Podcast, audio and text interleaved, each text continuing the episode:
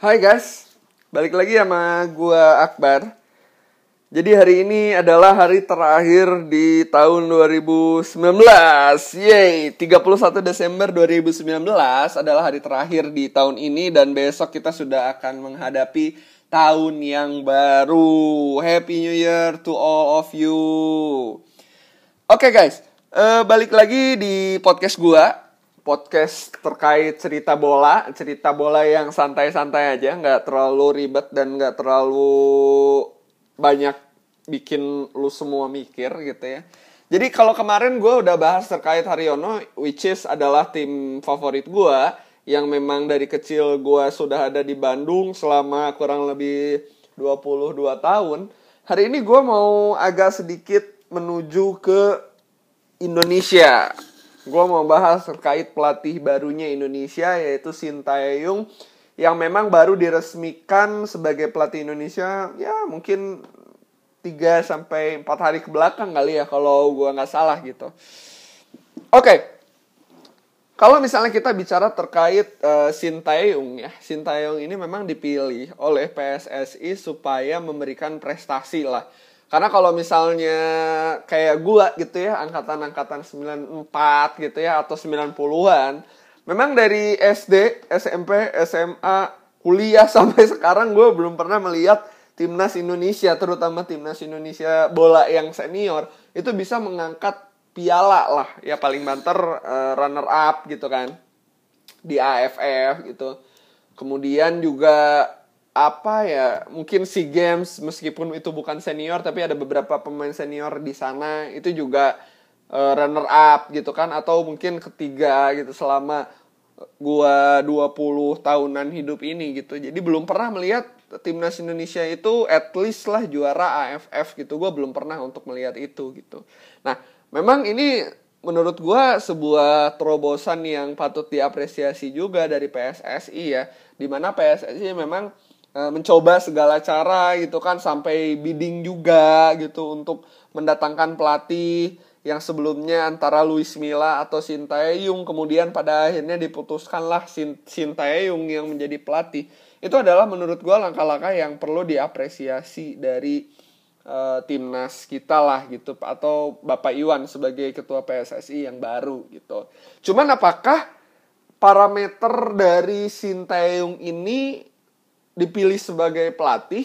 Apakah memang karena hanya Sintayong dipilih sebagai pelatih karena setelah mengalahkan Jerman gitu di Piala Dunia atau memang dari sisi pengalaman itu Sintayong memang layak gitu dan punya visi untuk bisa melatih Indonesia gitu. Nah, itu ialah yang akan kita coba sedikit diskusikan ya di cerita bola santai-santuy ini. Oke. Okay.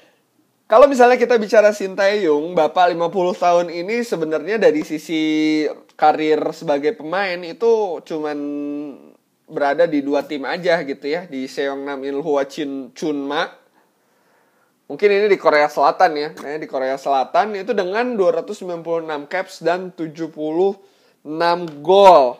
Jadi kalau misalnya ya mungkin sekitar 30% ya, 30% dari pertandingannya yang dimainkan oleh Sintayong ini dia mencetak gol lah itu ya cukup lumayan lah untuk seorang uh, pemain ya. Dah pada tahun 2005 itu Sintayong pindah nih ke Queensland Roar di Australia tapi cuman satu caps doang dan nggak mencetak gol. Jadi kalau misalnya menurut gua dari sisi ke pemainan ke pemainan dari sisi karir dia sebagai seorang pemain itu menurut gue ya nggak sewah Pak Jisung lah yang pindah ke mana Manchester United. Atau misalnya nggak sewah juga uh, pemain yang baru pindah ke Liverpool ya. Gue uh, lupa sih mana Minamino kalau nggak salah ya. Pemain Jepang yang pindah ke Liverpool. Nah bener kan? Minamino nggak sewah Minamino juga terus uh, dari sisi pemain juga dia nggak sewah Nakata juga gitu ya yang memang bermain dulu sempat di Parma gitu kan di Serie A tapi mungkin dia memiliki karakter yang benar-benar Korea Selatan banget gitu ya. Jadi kalau misalnya kita ngelihat uh, Luis Milla yang sebelumnya uh, melatih timnas senior Indonesia, permainannya kan memang uh, Spanyol banget ya. Maksudnya kalau kita lihat permainan-permainan tim yang ada di Spanyol itu memang mainnya pelan-pelan dari belakang, kemudian ke tengah, kemudian baru dia uh, main di tengah itu mengandalkan kepintaran dari pemain-pemain tengahnya gitu. Cuman kalau misalnya gue lihat di Korea Selatan itu pemain-pemainnya lebih mengutamakan strength gitu. Jadi pemain-pemainnya itu benar-benar ngotot gitu, ngepressing sampai ke apa wilayahnya lawan gitu. Itu yang memang mungkin agak sedikit perbedaan filosofi antara permainan yang dianut sama Luis Milla dengan permainan yang sekarang akan diterapkan oleh seorang Sinteyong gitu. Nah, dari sisi apa uh, caps di timnas, memang Sintayong ini ya lumayan juga lah uh, apa caps di timnasnya gitu. Dia main di U17, U20, U23 sampai yang senior juga ya. Kalau di total-total dia main ya mungkin sekitar 30-an match dengan 8-an gol lah ya.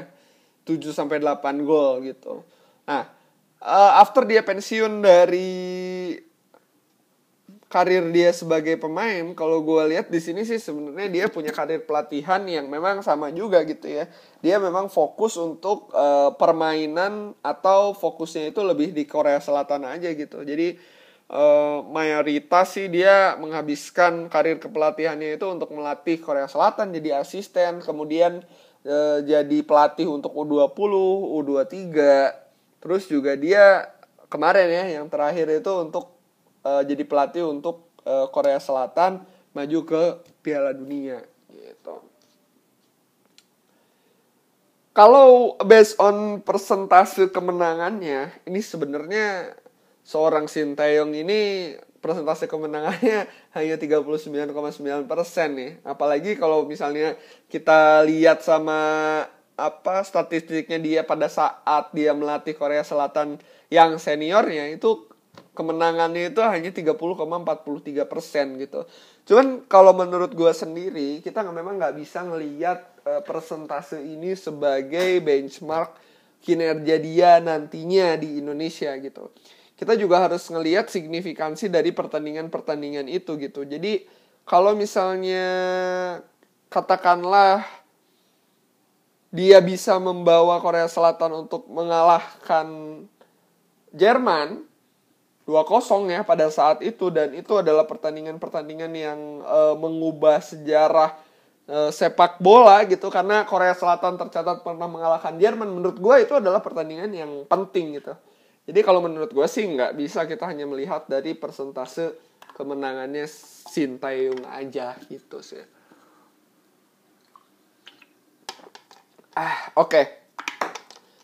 jadi sebenarnya kalau menurut gua Sinteyong ini punya tantangan sekaligus uh, pakem yang udah bener-bener kebentuk gitu ya dari dari sisi permainan gitu. Kenapa kayak gitu? Karena kalau misalnya kita lihat mayoritas karir pemain dan kepelatihannya dihabiskan di Korea Selatan, maka memang pasti metode kepelatihannya dia itu akan hampir sama lah dengan si uh, dengan Korea Selatan gitu. Nah ini adalah tantangan yang cukup berat sekaligus menantang banget juga buat Sintayong karena dia baru melatih negara lain yang bukan negaranya sendiri itu negara keduanya adalah uh, Indonesia gitu. Jadi ya kalau menurut gue sih kita patut untuk menantikan ya apakah Sintayong ini bisa membawa perubahan dari sisi permainan, dari sisi fisik pemainnya, dari sisi uh, pembinaan pemain-pemain mudanya juga apakah bisa untuk meningkatkan jumlah pemain-pemain muda yang bisa masuk ke timnas senior atau bahkan dipercaya uh, untuk main di luar negeri gitu kan. Jadi maksudnya kalau menurut gue seorang pelatih itu memang harus punya program yang berjenjang gitu nggak bisa cuman kita bisa nikmatin doang di fase saat seorang pemain itu udah jadi senior gitu oke jadi kalau menurut gue sih ya cukup optimis lah ya uh, Sintayong ini bisa membawa perubahan untuk permainan timnas Indonesia lah at least gitu. Karena gue berharap dari sisi permainan juga bagus, kemudian dari sisi uh, prestasi juga ada gitu. Jadi kita nggak mungkin sih kita mengharapkan prestasi tapi memang nggak ada perubahan dari sisi permainan, dari sisi fisik itu menurut gue adalah sesuatu yang nggak mungkin gitu ya. Oke okay, guys, kita masih ada beberapa pertandingan lagi nih. Timnas Indonesia masih ada beberapa pertandingan lagi kalau nggak salah 4 sampai 5 pertandingan untuk kualifikasi Piala Dunia. Jadi meskipun udah nggak lolos ya pertandingan tetap harus uh, dimainkan gitu ya. ya. Di sini gue mau ngasih rekomendasi pemain pilihan gue. Pemain-pemain yang menurut gue oke okay untuk digunakan jasanya oleh Shin Taeyong ya pada saat nanti menghadapi uh, pertandingan uji coba misalnya atau pertandingan lanjutan dari pra Piala Dunia. Oke, kita mulai dari penjaga gawang ya. Oke, kalau menurut gua Sintayong itu perlu memilih penjaga gawang yang memang sudah familiar dengan suasana timnas lah gitu ya dengan gaya permainan Indonesia. Uh, gaya permainan Indonesia kalau menurut gua lebih oke okay kalau memang dibikin hmm, apa ya simple aja gitu nggak terlalu banyak gocek-gocek bola tapi lebih ke arah permainan kolektif gitu jadi di posisi penjaga gawang gue sih menyarankan Sintayong untuk memilih Andri Tani dari Persija kemudian Wawan yang membawa uh, Bali United juara Liga 1 dan satu lagi M Rido sih gitu jadi kalau menurut gue Andri Tani dengan segala pengalamannya tetap menjadi kiper yang layak untuk bermain di timnas ya. Meskipun tahun ini Persija juga agak menurun sedikit performanya dan dari yang sebelumnya juara sekarang di peringkat 5, 6 apa 7 gitu ya, seingat gue. Tapi maksudnya dari sisi pengalaman untuk memiliki mental berlaga di kancah internasional itu nggak gampang gitu dan Andri Tani gue rasa punya punya mental yang sudah terlatih gitu dan Wawan juga sama. Jadi Wawan ini kan akan akan menjadi kiper Bali United untuk tahun 2020 lagi ya gitu kan. Jadi di tahun 2020 ini Bali United akan jadi uh, tim yang cukup sibuk gitu karena banyak kompetisi yang memang uh, akan dijalanin oleh Bali United gitu. Jadi Wawan ini menurut gua tetap layak karena Wawan ini punya hmm, apa ya refleks yang bagus gitu kan sampai membawa Bali United bisa uh, jadi juara juga di tahun ini. Yang terakhir Emrido ya.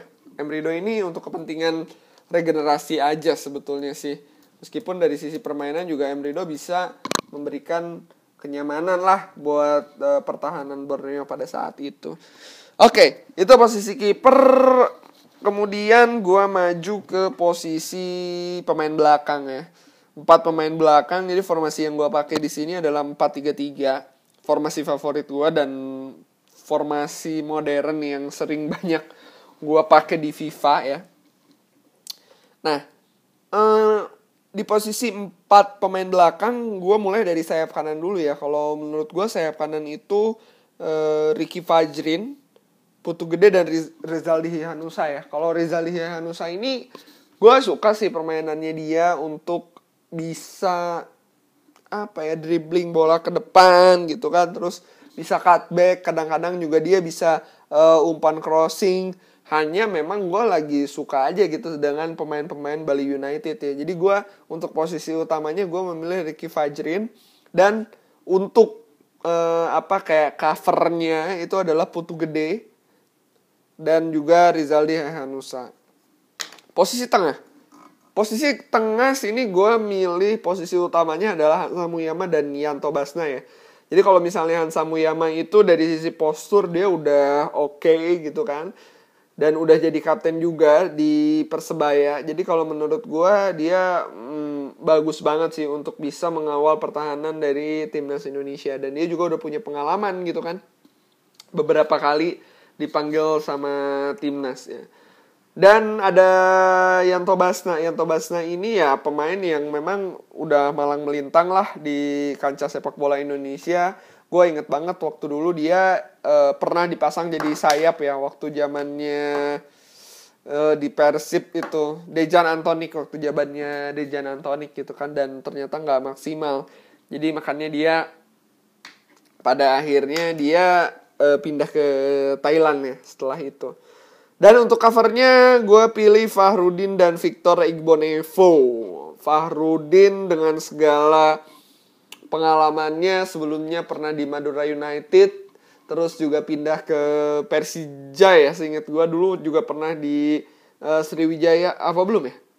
Uh, lupa lupa ingat lah gue pokoknya dia pemain yang cukup bagus lah penampilannya dan memang sebelum sebelumnya juga sudah pernah dipanggil timnas. Dan Victor Ibonevo. Victor Ibonevo sebenarnya uh, back favorit gue ya. Kalau misalnya di Persib dulu itu Victor Bonevo bagus banget sih dalam mengawal pertahanan. Duetnya dulu dengan Ahmad uh, Jufrianto. Terus ya terakhir dengan Ahmad Jufrianto sih.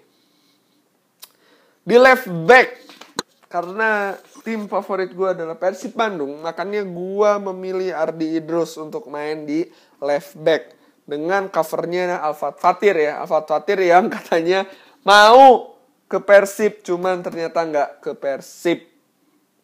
Ya gitulah. Agak sedikit mengecewakan sih karena Persib belum rekrut pemain sekarang. Oke okay.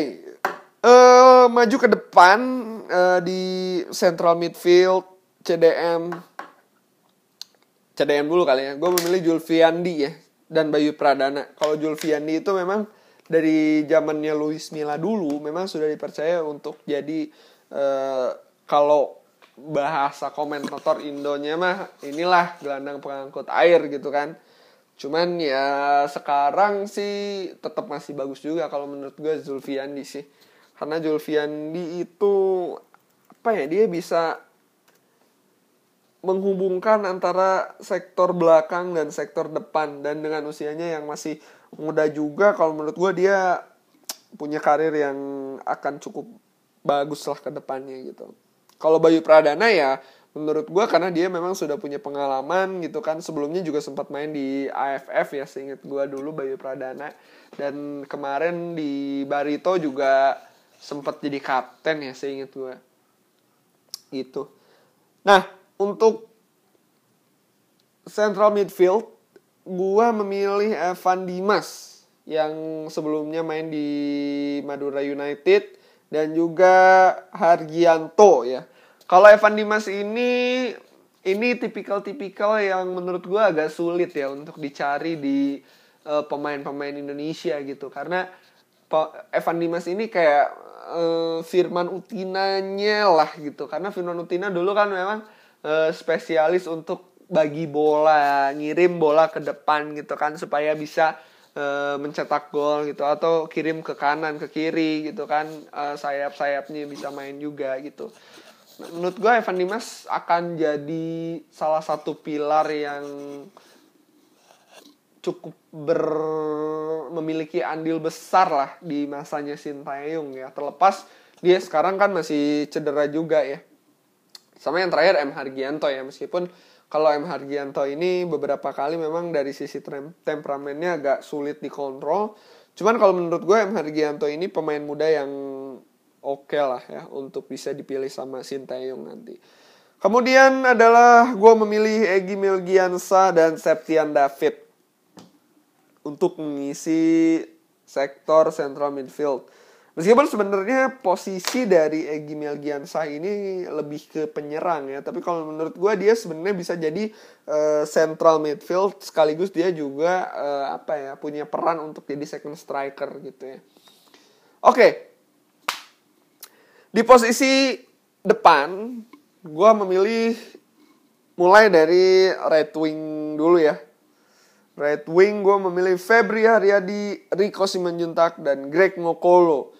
Dari sisi pengalaman sebenarnya gue akan memilih Greg Ngokolo. Cuman dari sisi kecepatan dan tipikal gue dari sisi pemain, makanya gue akan memilih Febri Haryadi gitu sebagai pemain yang ada di right wing eranya Sintayong. Kemudian di cover oleh Rico Simanjuntak dan terakhir adalah Greg Ngokolo.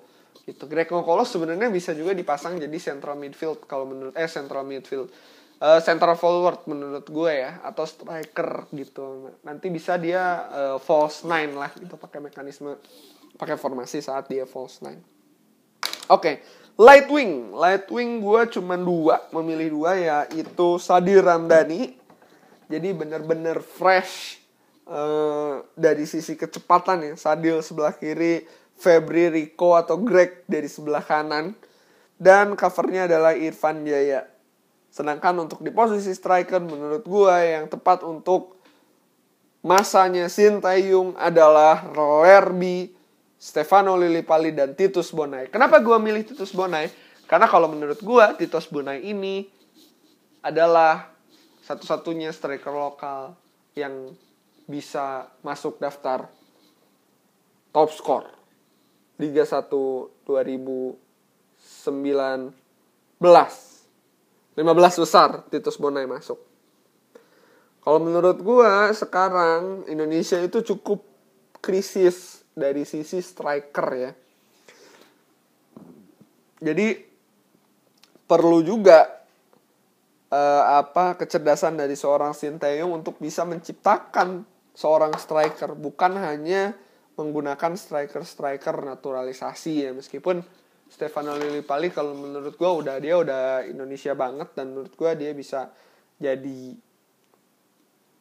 uh, mentor lah buat pemain-pemain muda yang lainnya. Gitu.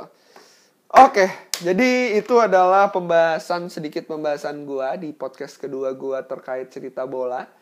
Hmm, terkait Sintayong terkait rekomendasi pemain juga sama.